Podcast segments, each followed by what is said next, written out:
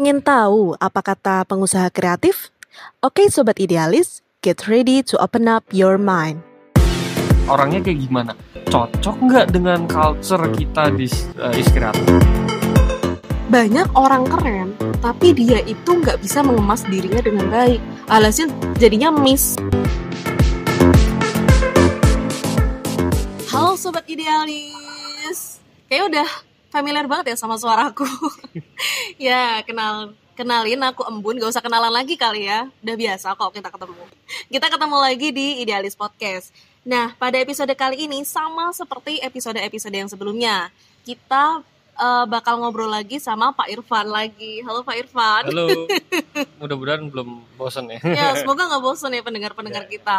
Nah, pada episode ini kita pingin banget ngebahas tentang apa yuk? Tentang interview. nah, buat teman-teman di sini kan pasti uh, setelah kita apply CV, kita masukin porto, pasti kan kita akan berhadapan sama interview. Aku pingin banget nih ngulik tentang apa aja sih hal-hal yang perlu di highlight ketika kamu itu melakukan interview gitu. Apalagi kita di sini lagi bersama foundernya Yes Kreatif juga. Halo Pak Irfan. Ya. Berat ya, lagi bahas hmm. interview ini. Bahas interview. Ini kita lagi di interview ya. kita lagi di. Oh jadi kita. Saya lagi di interview nih sama Ambun nih. ini kan interview yang kayak nggak formal sih pak. Ya oh gitu ya? saya dulu yang di interview bapak lah. Oh gitu. Oh iya ya. Betul betul betul. Waktu itu saya masih kaku banget. Dulu saya mikirnya kayak interview itu yang penting datang tepat waktu. Hmm, gitu. Buat curi kesan pertama. Oh, iya. katanya dulu gitu kata teman-teman saya.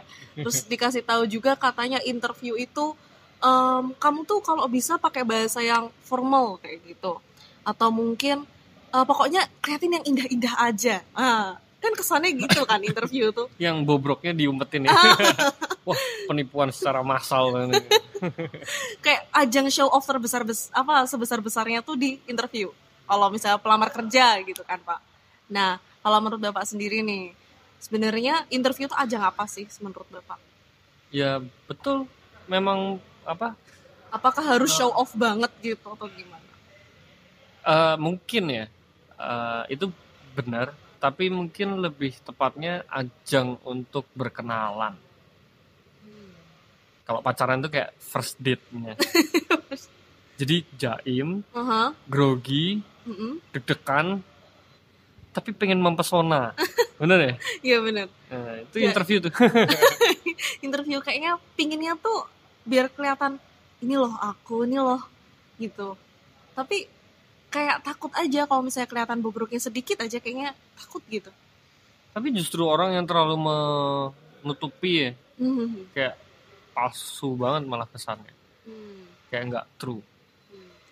beberapa kali aku juga menginterview orang yang uh, di sewaktu di interview mm. oh my god sangat mempercayai believable Waduh. banget gitu tapi terus begitu kita uh, hire, hire terus mm-hmm. kemudian uh, bekerja mm-hmm kok nggak seperti suatu interview ya gitu dan itu lebih rasanya lebih kecewa lah hmm. makanya interview jangan terlalu dibuat-buat lah interview kayak be natural is I think it's good ya ya, ya. berusaha boleh hmm. tapi jangan membual jangan merekayasa hmm. itu paling enak jadi interviewnya pun juga santai nggak tahu ya kalau di interview perusahaan besar atau korporasi ya mm-hmm. tapi kalau di kita kan uh, di interview pertama pun langsung ketemu dengan aku kan iya ketemu sebagai uh, ya atasan founder. lah ya ah. founder lah ya jadi uh, aku bukan kenapa tapi karena kita mau menilai secara personal gitu. mm. mau tahu banget siapa sih dia mm. gimana sih orangnya nah mm. itu kalau dia bisa apa sebenarnya itu sedikit banyak terjawab sama CV dan portfolio yang di kita baca kita pelajari ya. Hmm. tapi kan untuk tahu siapa sih dia? Capable nggak sih ketika dipekerjakan? Bukan bukan masalah skill atau kemampuan uh-huh. tapi karakter. Oh, lebih kita karakter. mau lihat orangnya. Siapa dia? Orangnya kayak gimana? Cocok nggak dengan culture kita di uh, is kreatif? Atau cocok nggak dengan uh, suasana atau lingkungan di perusahaan kayaknya ini agak beda nih sama yang saya ekspektasikan sebelumnya. Saya mikirnya kalau misalnya di interview tuh ajang buat show off your skill more. Apa yang nggak kamu add di dalam CV maupun porto. Malah justru di situ kayak kamu menunjukkan how about you? kayak gitu lebih ke kayak seberapa sih sesuainya kamu sama culture perusahaannya ibarat kata gitu ya pak kalau interview karena kan dia nggak bisa nebak iya sih iya sih bisa mungkin dibaca di company profile ya. Atau di ya, website. dulu saya gitu loh. Di website ya. Loh, ada bagusnya. Jadi gini uh, ada nilai plus nilai plus khusus ya. Yeah. bagi orang yang interview terus kemudian dia bahkan bisa nyebutin visi misinya. Saya dulu ngapalin. Iya. Kamu salah satu yang secara nggak langsung menyampaikan itu dan kita cukup maksudnya oh wow oke okay, kamu baca berarti.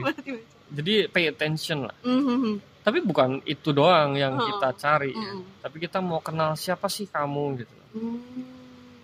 cocok nggak cocok itu kan subjektif ya oh. tergantung oh. dari banyak hal kan tapi gimana kita uh, melihat kayaknya cocok atau enggak itu kan tergantung bagaimana kita komunikasi ngobrolnya Hmm. Aku lebih seneng kalau di kreatif ya, ngob hmm. interview tuh kayak ngobrol lah.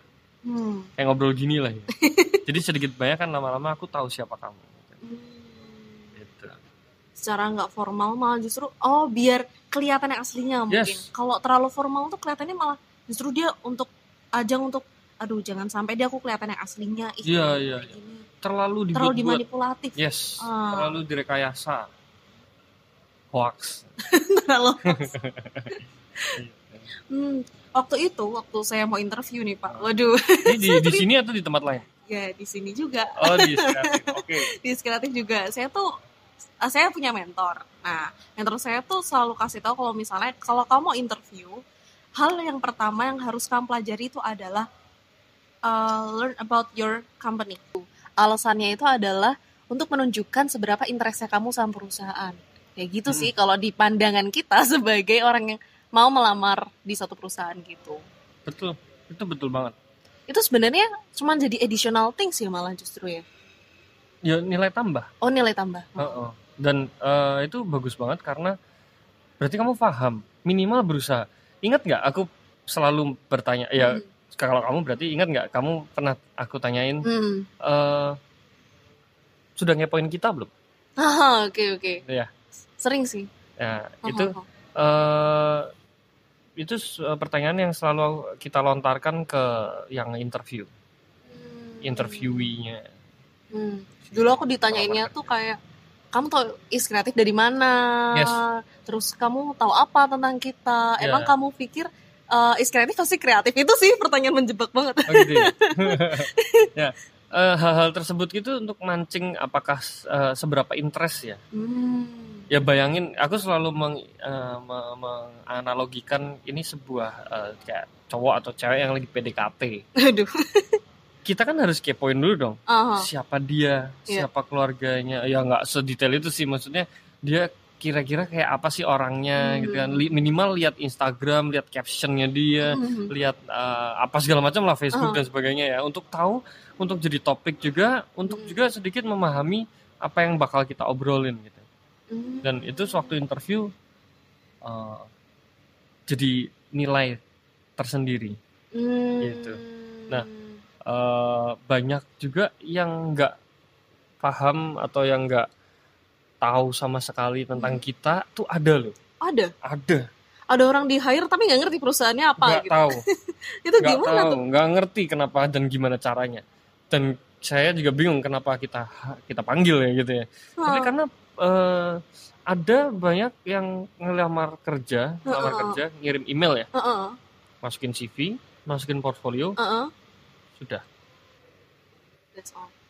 Gak ngomong nggak ngomong mau ngelamar sebagai apa, nggak disebut Hai perusahaan A, Hai perusahaan B atau Hai is kreatif, oh, okay, itu bahkan nggak tahu nggak nggak ngomong gitu. Mungkin dia kayak email blasting kali ya. iya iya. Itu sempet juga loh pak. Jadi dulu tuh aku pernah di ini aku pernah diginin sama kakak tingkat aku kayak gini.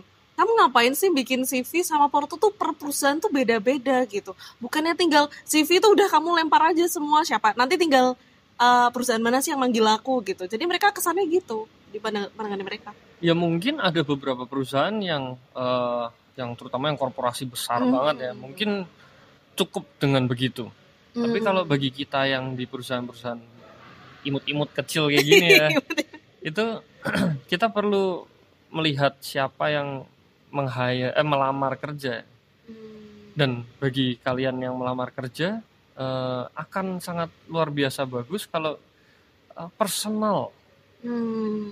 ya dong yeah, yeah. personal hmm. karena kan di saat kamu mengirimkan CV atau portfolio pun hmm. Email tersebut adalah kesan hmm. gimana caranya kamu menonjol hmm. gimana caranya kamu berbeda unik dan dipilih sebagai yang satu-satunya nanti di hire misalnya ya.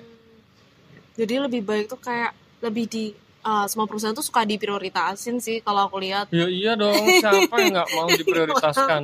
Gini kayak diprioritasin di ada special treatmentnya antar perusahaan satu sama lain kalau misalnya ya. kita seorang pelamar gitu.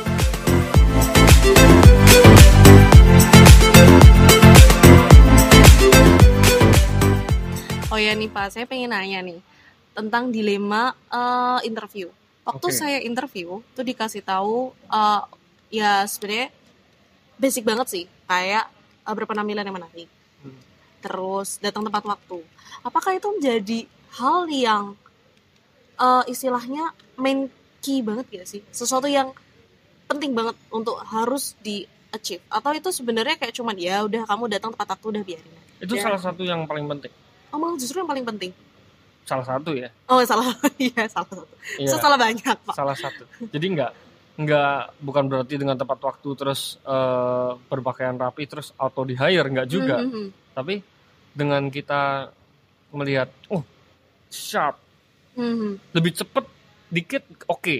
kecepatan banget ini juga aneh mm -hmm. tapi uh, waktu itu penting juga mm -hmm ada loh yang janjian interview sama kita telatnya sampai kayak 20 menit gitu. Wow. itu hampir aku cancel. Oh, Cuma karena nggak enak aja datang orangnya ya sudah akhirnya kita tetap interview ya. Akhirnya di hire nggak? Enggak. Oh. akhirnya nggak. karena ini percaya nggak percaya ya. Mungkin hmm. teman-teman yang mendengarkan juga bisa uh, mungkin introspeksi diri atau coba lihat ke kanan Termasuk ke kiri saya lah ya. ya introspeksi ya. kalau masalah begini. Mungkin mungkin. Nah, biasanya kalau datang interview aja itu telat hmm Tidak tepat waktu lah kita ngomong ya. Mm-hmm. Biasanya isi interviewnya pun biasanya ada missnya. Mm. Entah orangnya itu uh, terlihat malas, entah mm. orangnya itu seolah-olah tidak paham dan cuek ya. Mm-hmm. Atau bahkan bahkan ada beberapa pertanyaan yang biasanya ditanyakan apa nggak nyambung jawabannya.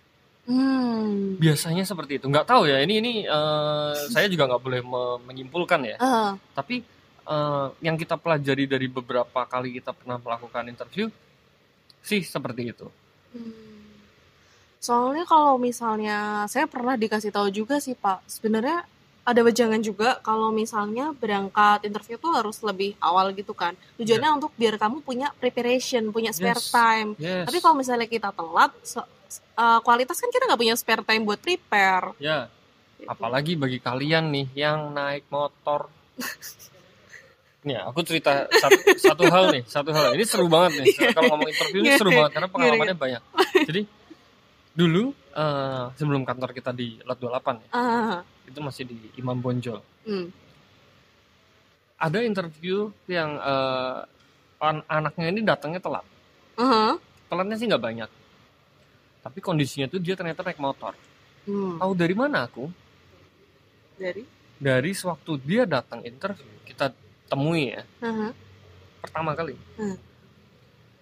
rambutnya basah uh-huh. lepek uh-huh. kebetulan nih anak cowok tapi rambutnya gondrong jadi kelihatan banget kan kalau abis naik motor siapa tahu sampuan pak terus dia pakai jaket kulit oh iya pakai sarung tangan kulit uh-huh. yang naik motor itu loh uh-huh. biasa uh-huh. nggak dilepas helmnya dibawa masuk sampai ke tempat interview bahkan suatu duduk kalau nggak salah ya dia masih bawa tas ranselnya nggak dilepas artinya oh. dia not even prepare hmm. entah karena telat buru-buru yeah.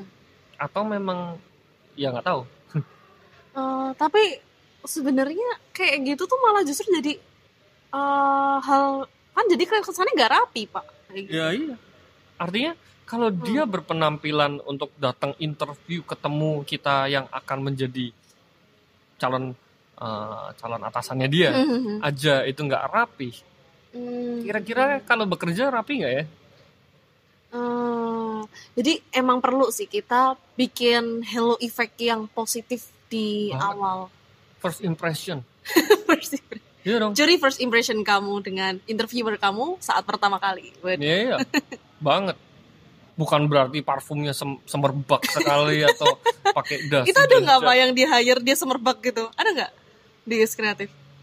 mungkin aku aja yang penciumanku kurang tajam kali ya tapi so far sih mungkin nggak ada Belum sih. ada. gitu Tapi kalau di kreatif sendiri nih pak, ada nggak sih apa hal unik apa yang paling unik gitu nggak hire orang yang agak aneh, paling aneh? Kan itu kan eh, biasa. agak aneh apa paling aneh Agak, ya paling aneh deh, paling aneh. Nggak cuma agak, kayaknya kalau agak tuh masih separuh-separuh. saya pernah interview orang yang eh dia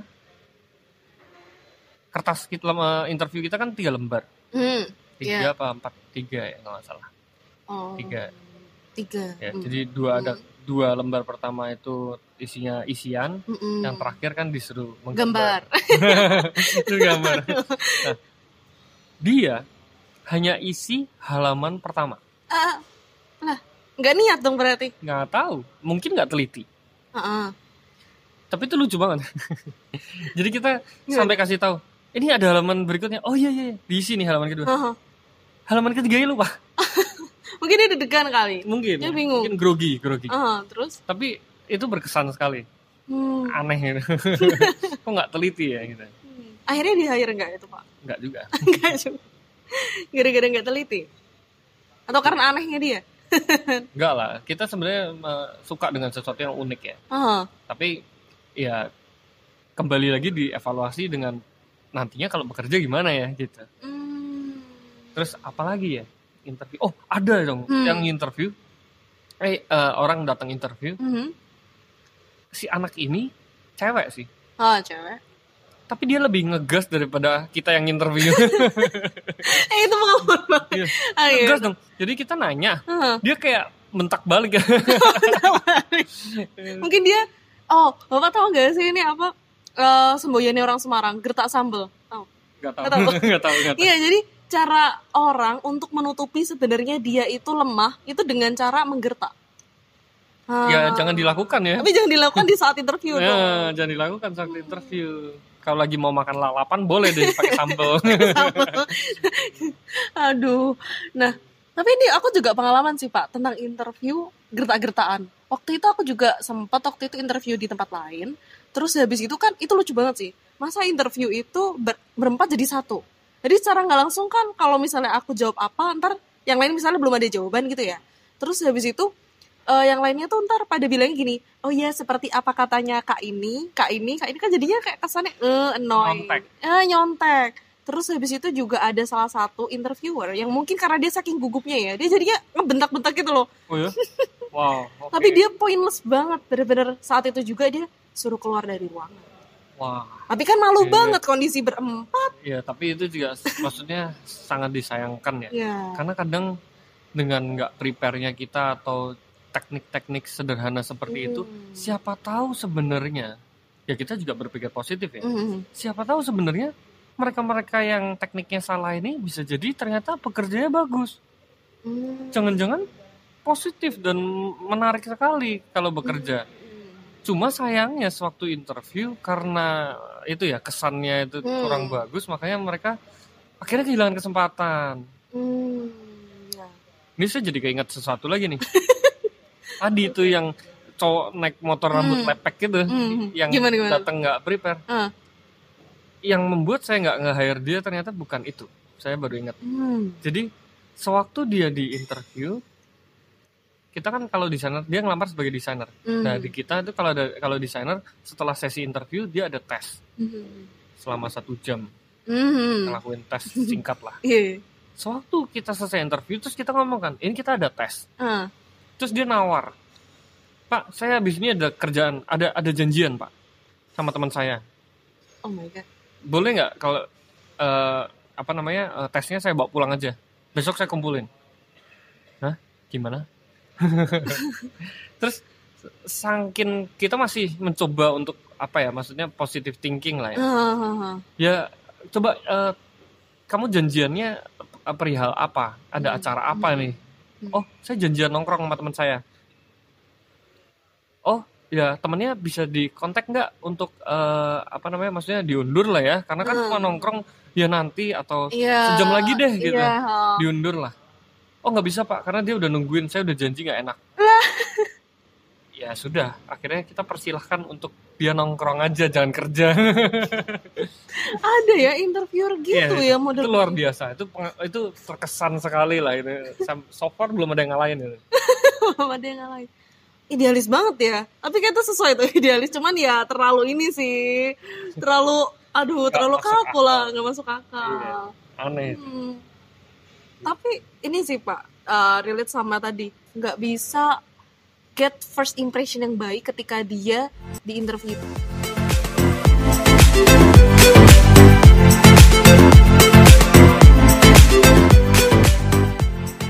Aku ada pengalaman juga. Jadi aku punya temen uh, tadi kan kita interview berempat ya? Hmm. berempat.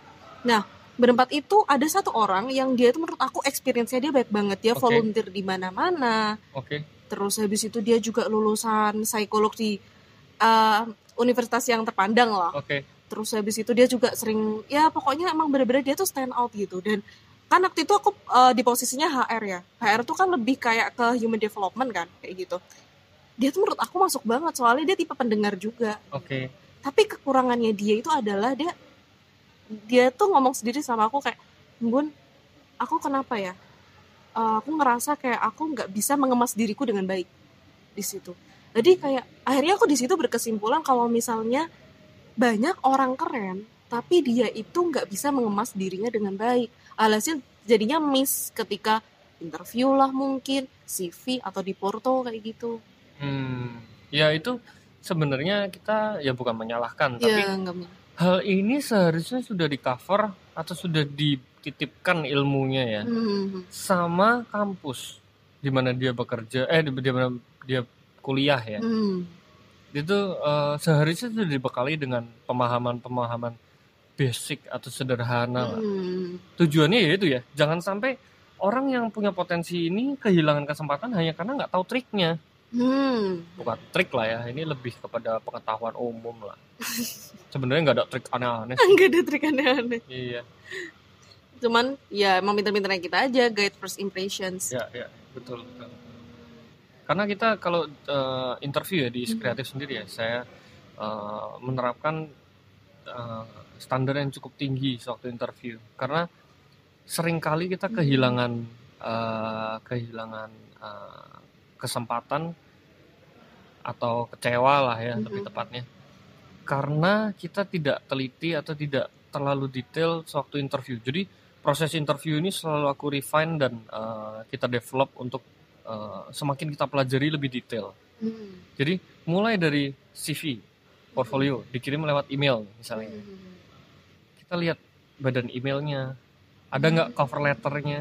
Hmm. Kamu kan melamar kerja nggak sekedar, oh sering loh kita menerima hmm. lamaran pekerjaan hanya ngirim CV atau CV dengan portfolio iya, iya. tanpa body text. Ah iya iya. Jadi oh, oh. ya dalam hati saya cuma bilang, oh ya makasih ya. Hmm kan dia nggak mau ngelamar ya makasih ya udah sharing CV dan portfolionya nah kita nggak tahu dia maksudnya ngirim itu ngapain iya hmm. mau saya berminat yeah. untuk menjadi graphic designer di uh -uh. kreatif saya mengetahui informasi lamaran kerja ini dari siapa yeah, dari yeah. mana besar harapan saya untuk bisa dipanggil mm -hmm. untuk interview atau apa ya mm -hmm. gitu ya dia nggak ngomong sering banyak sekali. Ya akhirnya kita lewatkan. Dengan berat hati ya kadang-kadang ya. Karena kadang portfolio bagus. Kadang portfolio bagus. Soalnya ini juga nih pak. Jadi saya tuh kan kalau saya cuma ngelamar magang sih pak. Ngelamar magang pengalamannya ya teman-teman ya. Tapi seriously itu uh, big impact banget sih buat aku. Pengalaman buat daftarin ini itu karena aku jadi belajar how to create your CV how to create your porto and then how to uh, gimana ya ibarat kata bisa present yang baik lah yes. saat kamu interview yeah. and so on. Itu aku sempat curious juga sebenarnya penting gak sih kita tuh ngasihin cover letter gitu? Sewaktu di email pertama di atau di surat pertama, ya oh gitu. Ya karena kan uh, surat cinta ya. Tadi analoginya ya uh, analoginya. orang PDKT nih. Uh, uh, masa kamu cuma ngirimin link Instagram ke oh, cewek yang kamu okay, mau deketin misalnya ya tapi kan malah Terus, justru curious iya curious tapi kan so kamu nggak ngomong kamu lagi mau apa? Atau kamu siapa kenapa kamu ngontek atau apalah gitu ya? Kan sama seperti melamar kerja kita harus menunjukkan intensi kita. Hmm. siapa tahu hanya research. Hmm. siapa tahu hanya survei. Bisa dibilang perusahaan-perusahaan tuh sebenarnya suka yang to the point. Hah, itu bener banget. poinnya. Itu bener banget dia enggak poinnya to the point uh, poinnya to the point nggak kayak apa cuman ngirim CV cuman ngirim porto padahal kan uh, ini juga sih kalau saya ngelamar-lamar magang kayak di online-online gitu kan juga cuman uh, send your CV and porto at emailnya mereka. Yeah. Tapi sebenarnya itu jebakan Batman sih. Ya itu triknya. Kita kan lihat uh, kita uh, analisa ya di situ. Hmm. Inisiatif nggak? Hmm. Tingkat keniatannya sampai mana? Karena tadi ya saya ngomong uh. ya itu poin pertama itu ini uh. sebenarnya beberapa poin nih. poin pertama itu yang tadi ya gimana hmm. waktu ngirim CV dengan covering letter dan bahasa yang baik dan intensinya hmm. disampaikan ya. Hmm. Yang kedua, sewaktu datang interview selain tepat waktu dan berpakaian rapi tadi ya. Kita harus ingat bagaimana kita membawa diri kita. Hmm. Gak usah bicara dulu deh. Posisi duduk Hmm. Sangat sangat krusial. Kebetulan di kreatif itu posisi duduknya macam-macam ya. Waktu tempat interview iya. kan ada madep sini, ada madep ya? situ. Uh, kursinya ada yang kecil, ada yang gede, uh. ada yang uh, duduk nyantai nyelender gitu uh. ya. Nah itu juga adalah bagian dari trik kita. Oh ada trik? Ya? Ada. Itu dia milih tempat duduk di situ yes. juga. Yes. Oh. Madep ke luar atau madep ke dalam uh, menghadap ke kantor itu juga ada artinya terus duduk kamu posisinya duduk normal tegak berdiri rapih mm-hmm. tangan dilipat atau duduk nyender sambil agak melorot sedikit kayak lagi nonton Netflix uh. gitu ya terus tangannya dilipat kayak lagi ngobrol sama bos sama bosnya ya, itu juga beda cerita ada oh, loh yang begitu gitu. Okay. ada yang begitu ada yang kalau ngomong nah ini terus masuk ke skill untuk komunikasinya mm -hmm. suaranya lantang nggak Hmm. Atau dia bisik-bisik. Aku pernah lo interview uh, orang yang kita setiap kali dia ngomong kita harus ngomong, "Hah? Apa?" "Hah?" gitu. Okay. Itu ada. Hmm. Menunjukkan karakternya dia seperti apa. Hmm. Gitu. Itu skill komunikasi. Oh. Oh. Bagaimana kamu menatap? Oh. Diajak ngomong, kamu natap nggak? Oh. Uh, melihat lawan bicaramu.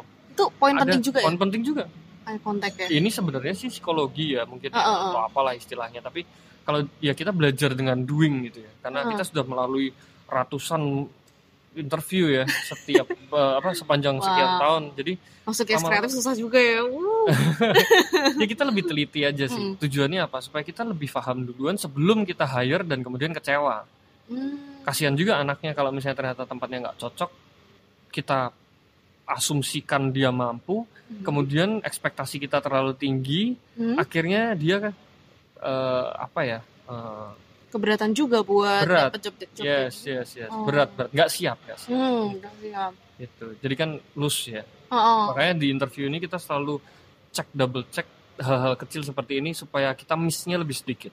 Hmm. Kita pernah interview orang yang natap mata itu nggak pernah. Jadi uh. dia selalu melihat ke bawah, dan ke tangannya sendiri. ya kelihatan karakternya seperti apa. Um, gitu. Kalau um, oke oke. Tapi kalau bicara tentang tempatnya tadi sih, is kreatif yang itu eh, jujur ya, ini ini interview yang menurut aku agak tricky menurut aku kayak datang terus habis itu tempat duduknya kan macam-macam ya, yes. ya itu ada yang ada yang bulat ada yang bisa ya se menggambarkan kayak karakter lebih ke karakter aku lihat kursi-kursinya itu. Bisa jadi. Iya bisa jadi. Nah nomor dua apa nih yang paling bagus yang mana? Oh, enggak enggak, bisa ngomong enggak bisa bilang. Jadi uh, semua punya uh, treatnya masing-masing ya. Punya hmm. punya uh, apa punya nilai atau arti tersendiri. Uh, nggak ada yang salah ini salah ini benar gitu enggak hmm. juga. Kayak cuman itu menggambarkan uh, personalities orang itu yes. kursi itu. Yes gitu ya. Wah nanti setelah ini yang dengerin podcastnya kita uh, datang ini milih kursinya milih lama kursi. banget cap cup belalang cup. Habis ini milih kursi terus duduknya apa ya? Nah, saya duduk di lantai deh. Akhirnya duduk di lantai deh. Biar kesannya menghormati. terus Tapi... bawa anduk J pak. itu ngelamar, ngelamar jadi OB. ya jadi ngelamar jadi macam-macam aduh. Yeah. Tapi kebetulan kalau ada yang mau silahkan ya. Oh iya. Silahkan. Kita terbuka loh. Waduh. Para pelamar kerja yang tapi masih... OB juga di interview juga pak oh iya oh my God. Loh, kamu nggak tahu OB kita itu termasuk OB kalau menurut saya uh. itu yang paling kreatif yang pernah saya temui oh, kreatif banget karena apa? Serius? Karena di saat bukan pas interview sih, uh. bukan pas oh, interview. Rian juga di interview juga. Interview dia. Oh my God. Ya, jadi uh, dia uh -huh. di saat tidak ada pekerjaan, dia tuh ternyata jago uh, origami waktu aku datang tuh aku sempat heran kok ada origami banyak iya, iya. punya ya hobinya iya. oh jadi itu staff kita itu memang unik gitu dan mungkin kenapa dia kita hire dan kemudian sampai sekarang ada di sini hmm. karena ya mungkin ada jiwa seni yang terpendam di dalamnya yang ya kita bebaskan ya. Hmm. Bahkan Ber sampai se-OB-OB-nya ya. ya. Berkreasi ya. Namanya juga kita kalau ngomong membangun culture kreatif Aduh. Wah, itu kayak ya, episode kemarin nih. Dari atas sampai bawah semua harus semua kreatif. kreatif. yes. Gitu. Aduh. Gitu. Bisa juga ya. Itu sewaktu uh, interview ya, poin-poin mm. tersebut itu penting. Mm. Dan kemudian yang poin terakhir yang uh, apa namanya yang kita sangat teliti adalah bagaimana kamu mengisi mengisi form yang kita berikan. Hmm. Kan banyak tuh pertanyaan-pertanyaan yang sangat detail dan sangat panjang lebar. Hmm. Ada yang males ngisinya satu di atas, bawahnya dikosongin hmm. atau cuma digaris-garis-garis-garis hmm. menandakan kalau ini sama. Hmm. Apa diisi semua? Hmm. Terlalu detail sampai sebenarnya nggak perlu juga sih gitu. Hmm. gitu. Seberapa banyak yang kamu lengkapi pertanyaan-pertanyaannya? Hmm. Ada beberapa uh, pelamar kerja yang interview tempat kita karena itu kan bahasa Inggris. Mm-hmm. Ya, itu bahasa Terus Inggris. minta translate. Bukan. Dia asumsikan dia tidak paham itu dan kemudian dia lewati aja. Dan waktu kita tanya, ini hmm. kenapa nggak diisi? Oh, saya nggak tahu artinya, Pak. Oke. Okay. Karena sebenarnya kita nggak melarang mereka bawa handphone kan. Yeah. Jadi seharusnya kan bisa diupayakan untuk diisi. Ya, hal-hal kecil seperti itu menjadi poin penting juga tricky ya, juga ya aku aku tuh takut sih buka handphone takutnya kalau misalnya dikira nyontek Duh gak apa-apa, kenapa? Emang ini ujian. sekarang aja ujian banyak yang buka buku. Ya, buka ya. buku, buka handphone lah kalau zaman sekarang. Ya. Apalagi masa-masa daring. iya. Aduh, gitu. Ngobrol interview panjang ya, cukup panjang. Oke, teman-teman idealis. oh, bukan teman-teman idealis, sobat idealis. Lupa aku sampean. Oke, nggak kerasa nih udah berapa menit ya? Pokoknya ada 30 menitan lah. Oh, tuh nggak nyampe sih, nyampe 30. Semoga insight pada episode kali ini emang benar-benar bermanfaat buat kamu. Dan pastikan juga insight ini nggak berhenti di kamu dengan cara share inspirational talk ini via YouTube eh via YouTube, via Instagram, then WhatsApp atau media sosial apa pun ke teman-teman kamu. Dan jangan lupa buat follow Instagramnya Is Creative di Is Creative. Oke, okay, see you on the next podcast. Bye.